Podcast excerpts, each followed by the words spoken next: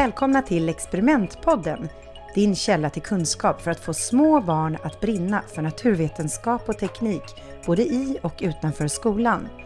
Podden är producerad av Binosi och jag heter Carolina Kjellberg.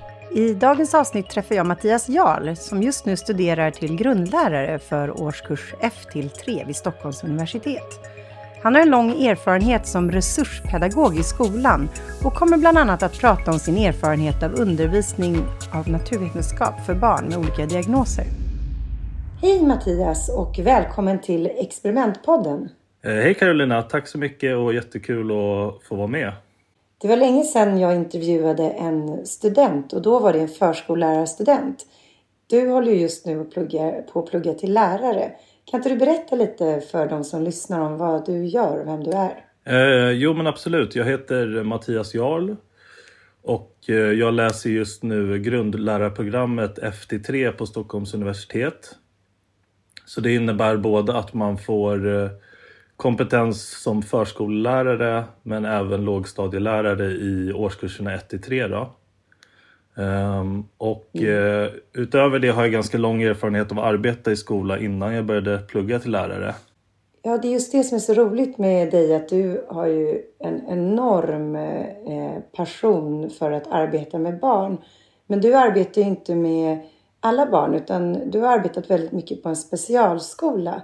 Och eh, det ska vi prata om lite mer sen. Men först undrar jag bara, nu med ditt plugg så har ju du just nu läst om naturvetenskap. Kan inte du berätta lite om vad det är ni har dykt in på där? Eh, jo men absolut. På eh, lärarprogrammet jag läser då har vi ju egentligen läst två stycken kurser inriktade på naturvetenskap. Eh, I den första kursen så fick vi öva ganska mycket på att göra naturvetenskapliga lektioner och skriva lektionsplaneringar. Och ganska mycket fokus låg på utomhuspedagogik. Så vi fick bland annat följa med vår lärare till en naturskola här i Stockholm. Eh, och då handlade det mycket om hur man kan hålla undervisning på andra platser än klassrummet. Alltså att den naturvetenskapliga undervisningen kan betyda att man åker på utflykter. Eller till exempel åker en hel mm. dag och då arbetar på en sån här naturskola. Ehm. Mm. Men kände du att du ehm, som lärare har vuxit efter att du har läst mer naturvetenskap? Ja, jag tror att alltså, för att bli duktig på naturvetenskap så tror jag att man måste som lärare själv läsa igen kunskap som man kanske inte kommer ihåg från att man själv gick i skolan. Nu ska jag ju mm. arbeta med väldigt unga elever. Men man måste till exempel lära, lära om sig om kretslopp, biologisk mångfald, evolution eh, och hur människa och natur fungerar i, i samhället och sådär. Så att eh, jag tror att det är väldigt viktigt att både skaffa tillbaka de här ämneskunskaperna kombinerat med liksom hur man ska arbeta med eleverna. Då. Mm, mm. Och den här specialskolan som du arbetar på just nu, eh, berätta lite mer om den. Ja men precis. Jag har jobbat som eh, resurspedagog, kallas den rollen. Eh, och på en skola som heter Helleboreskolan som ligger i Täby. Och det är då en skola, en specialskola som för elever med NPF-diagnoser. Eh, och NPF-diagnoser är ju till exempel ADHD, ja, autism, där bland annat Asperger ingår. Eh, det kan även vara språkstörning eller Tourettes syndrom. Så det är flera olika mm. typer av diagnoser som finns där och det är en skola som försöker skapa en så liksom normal skolmiljö som möjligt för de här barnen. Eh, så det har varit över 300 elever på den skolan där jag jobbar. Men det är ju ett väldigt brett spektrum av olika diagnoser. Hur, hur pass personaltätt är det? Ja, men en av de viktigaste sakerna på skolan är ju en hög personaltäthet och även eh, mindre elevgrupper. Så att um, mm. ja, i snitt kanske man är runt 10 elever och två vuxna i en elevgrupp. Och sen som du säger så är ju alla mm. diagnoserna uttrycker sig på väldigt olika sätt. Vissa elever kanske är lite mer sköra och vissa kanske elever har en lite mer mm. Utåtgående energi eh, och då specialanpassar skolan grupper så att elever som passar med varandra får vara tillsammans då, kan man säga. Mm, vad bra. Men, och ni arbetar ju såklart också med naturvetenskap och teknik på skolan. Hur, eh, hur gör man det med era elever? Skolan arbetar utifrån eh, läroplanen Lgr 22, precis som vanliga skolor. Eh, men mm. när det kommer till naturvetenskap skulle jag säga att elever med den här typen av utmaningar kan det vara extra viktigt att man förbereder sig på ett helt annat sätt. Om man till exempel ska ha mm. ja, experiment eller en laboration så kanske det är viktigt att man med hjälp av till exempel bilder eller bildstöd går igenom med eleverna redan lektionen innan vad som kommer hända. Till exempel vilka steg som experimentet kommer innehålla och vad man kommer behöva göra själv. Eh, det är bra om det inte finns några överraskningar. Och sen så kan det också vara en bra mm. idé när det kommer till naturvetenskap att man kanske inte gör experimenten i helklass utan man kanske delar upp sig med några elever som ja, man vet att den här eleven funkar bra med den här eleven i, i en sån miljö. Då. Um, mm. Det är väl några av de sakerna som jag tänker på. Mm. Men eh, det låter som om det handlar väldigt mycket om att det är färre vuxna per elev så att man ger ordentligt med tid och fokus på varje individ. Ja, ja men precis. Egentligen eh, eh, ja, men fler, fler vuxna närvarande och kanske färre elever så att det blir mindre distraktioner för dem. Och sen så är det väldigt viktigt med tålamod såklart också. Eh, om det till exempel ja, om det är ett moment som inte går som man tänkt sig så kanske man kan andas och backa tillbaka och göra om det momentet i till exempel ett experiment. Ehm. Mm. Jämfört med om man har en vanlig helklass där saker och ting kanske måste flyta på på ett helt annat sätt för att man ska kunna genomföra lektionen. Då. Ja, men hur kan ett eh, moment se ut om någon skulle avbryta på ett sätt som inte läraren har planerat? Um, ja, men det kan ju se väldigt olika ut.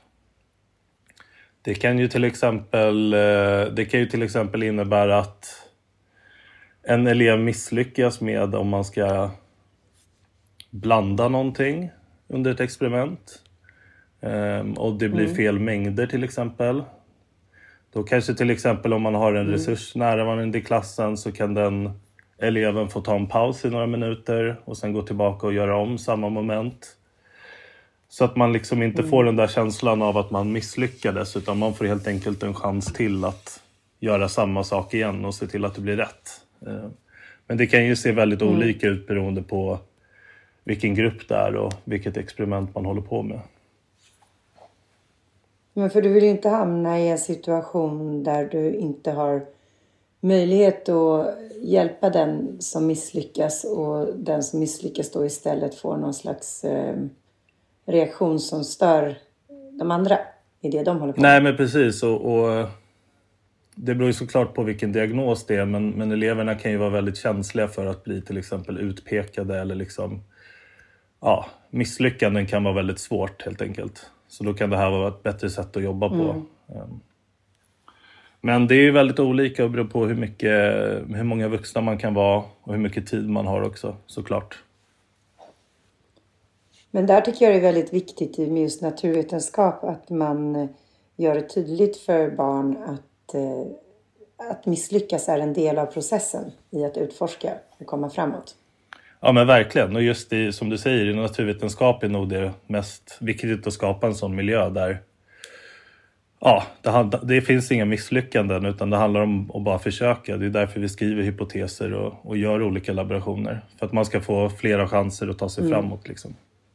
Så där är en väldigt bra poäng. Mm. Och det, även ett misslyckande säger ju vad som inte fungerar. Så att man kan fortsätta utforska vad som eventuellt fungerar framöver. Absolut, så är det. ADHD är ju en utbredd diagnos i Sverige och många som har den går ju inte i specialskola. Vad tycker du att de i en vanlig skola skulle behöva för att lättare kunna ta till sig naturvetenskap och teknik? Ja, men jag tror att eh, om man pratar till exempel just naturvetenskap och man ska göra ett eh, laborativt moment så ställer det ju ganska höga krav på lärarna. Man kanske har flera olika mm. stationer där elever arbetar. Eh, och det är ganska mm. svårt att ha sitt huvud på alla ställen samtidigt. Och då tror jag mm. att om man har någon elev med till exempel ADHD som har svårt att koncentrera sig så kommer den eleven ganska lätt eh, falla mellan stolarna under de här momenten. Mm. Um, och det som jag tycker vore bra om lärare kunde göra det är väl om man har såna här lite mer krävande moment som naturvetenskapen kan bjuda på. Att man kanske försöker prata med skolan innan så att man kan få en till resurs i klassrummet under den lektionen. Mm. Så att man kanske har en till vuxen som mm. kan vara med just den eleven under experimentet och se till att den också får genomföra det. För annars tror jag att det är ganska lätt ibland att de här eleverna tappar koncentrationen, misslyckas och sen så lyckas de inte vara med överhuvudtaget. Um. Nej, men jag kan ändå tycka att just experimentmomentet i en naturvetenskaplig eh, lektion är det som barnen borde kunna fokusera mera på. Men om man inte har det utan ska lyssna på Eh, en lärare som beskriver mm. hur saker fungerar. Då blir det ännu mer utmanande, blir det inte det? Jo, det, alltså det beror ju på helt hur det är upplagt. Om du både har haft en liksom genomgång och sen ett aktivt moment och sen kanske eleverna också ska anteckna under laborationen. Så att precis som mm. du säger, det, själva experimentet kanske kan vara en positiv del men det är mycket annat som innefattas i det också. Eh, Mm. Att både liksom anteckna vad som händer under experimentet och, och sådär. Men absolut, det har du rätt i också. Ja. Men det är klart att eh, om någon tappar fokus under ett experiment så kanske den bara eh, spelar pajas och latchar runt istället för att verkligen göra det de ska och komma till det resultaten de, man hoppas på. Ja, men precis. Och sen, eh, sen tror jag att som lärare så är det bättre att ja, men om, om en elev till exempel som har ADHD behöver ha sin keps på sig under det här experimentet för att hålla fokus mm. så kan man strunta i de små irritationsmomenten. Liksom.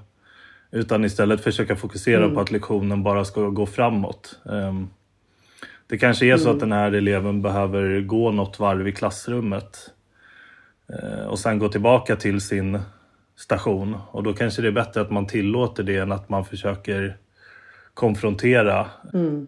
Mattias, det är ett väldigt intressant jobb du har på specialskolan. Men hur hamnade du där? Varför valde du specialskola och inte en annan skola?